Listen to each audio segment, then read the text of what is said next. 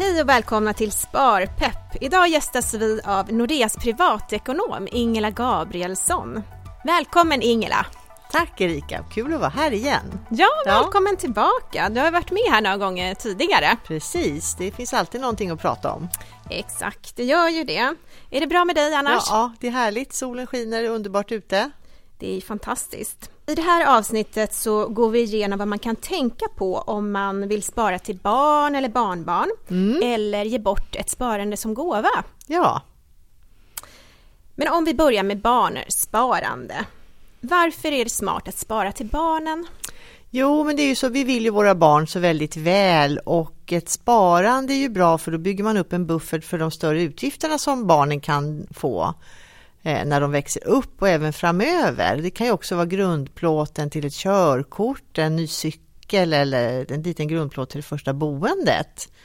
Så därför är det väldigt bra att ha ett barnsparande.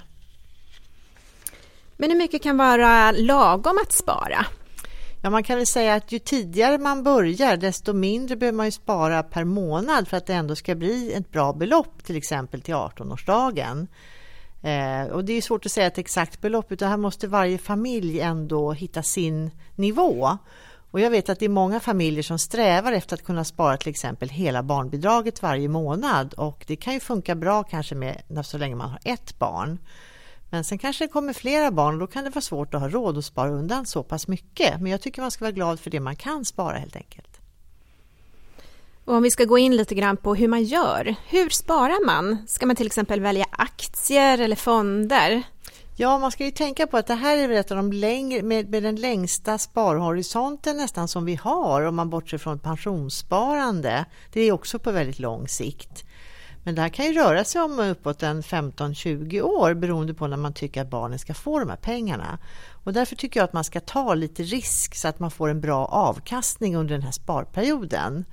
Det man kan göra är att man kan sen växla över till lite lugnare sparande med lite mindre risk när, barn, när det börjar närma sig utbetalning, när det är ett par år kvar, så att man säkrar upp det kapitalet. Men ska man spara i barnets namn eller i sitt eget namn? Det är en fråga som dyker upp ganska ofta. Ja, precis. Och det här gäller att tänka efter vad det är man vill lite grann. För att om man sparar i barnets namn då är det ju barnets pengar som blir tillgängliga på 18-årsdagen och då har man inget inflytande alls över det eller vad de här pengarna används till för typ av konsumtion. Och det kan ju tänkas att, att en 18-åring inte riktigt har landat i vad pengar kan behövas till. Man går ju oftast fortfarande i skolan när man fyller 18 år. Och därför så kan man ju välja andra sätt att spara, till exempel då att jag sparar i mitt eget namn på ett konto eller, något, eller i en ISK och då kan jag själv bestämma när jag vill ge mitt barn de här pengarna. Det finns också en jättebra lösning som heter kapitalförsäkring. Och I den kan jag bestämma att de här pengarna kanske ska betalas ut när mitt barn fyller till exempel 20 år eller ännu senare. Det låter ju fiffigt. Mm, det är det faktiskt. Men det kan ju vara skillnad på hur och när man börjar placera pengarna. Till exempel om man har två barn som är födda olika år så kan det ju påverka avkastningen. Mm. Hur kan man göra sparandet rättvist? Ja, det, det är jätte, faktiskt en svår fråga för att eh, barnen har ju olika ålder och man börjar spara kanske vid olika tidpunkter och, och eh, börsen går upp och ner under åren så det kan vara svårt att få det här exakt rättvist även om barnen säkert räknar med att de ska ha, få lika mycket pengar. Eh, men ett sätt är ju att man sparar i ett och samma konto till barnen och då kan man ta ifrån det och dela ut så att det blir rättvist. Men man kan göra på andra sätt som i min familj till exempel. Så min pappa han köpte till mina två barn varsin kapitalförsäkring till dem Eh, och satte in ett lika stort belopp till var och en och med föreskriften att det skulle betalas ut när de fyllde 20 år. Eh, och då blev det ju så att det var inte, de fick ju inte exakt lika stora belopp i och med att dels så fyllde de ju inte 20 samtidigt och börsen hade förändrat sig på de här åren som var mellan dem. Det blev bra för bägge två ändå, men det blev inte exakt på kronan. Men det, det förstod de ändå, så att det var helt okej. Okay. Så att det, man får prata om det och förklara hur det fungerar också. Men eh, är det något juridiskt man behöver ha koll på? Ska man skriva testamente?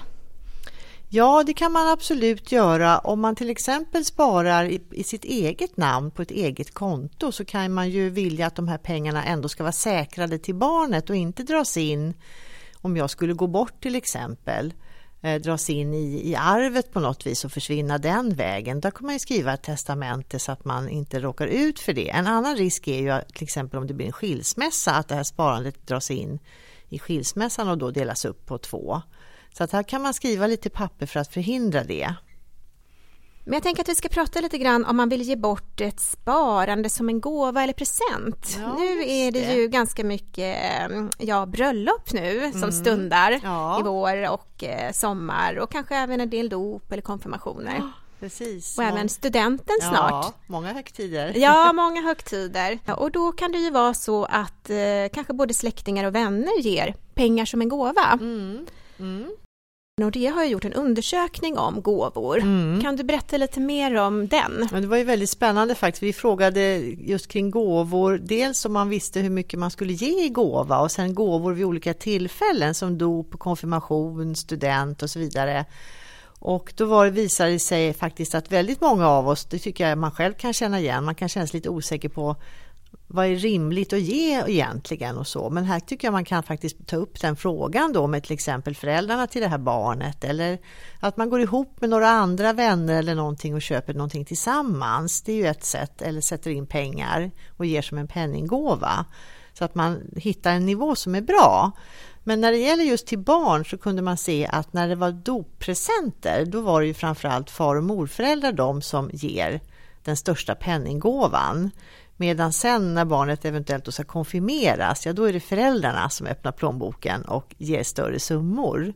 Och de här är ju jättefina tillskott just till barnets sparande och här finns ju alla anledningar att titta på hur ska de här pengarna, var ska vi sätta in dem, vilken typ av sparande ska vi göra med det här så att det blir en bra avkastning.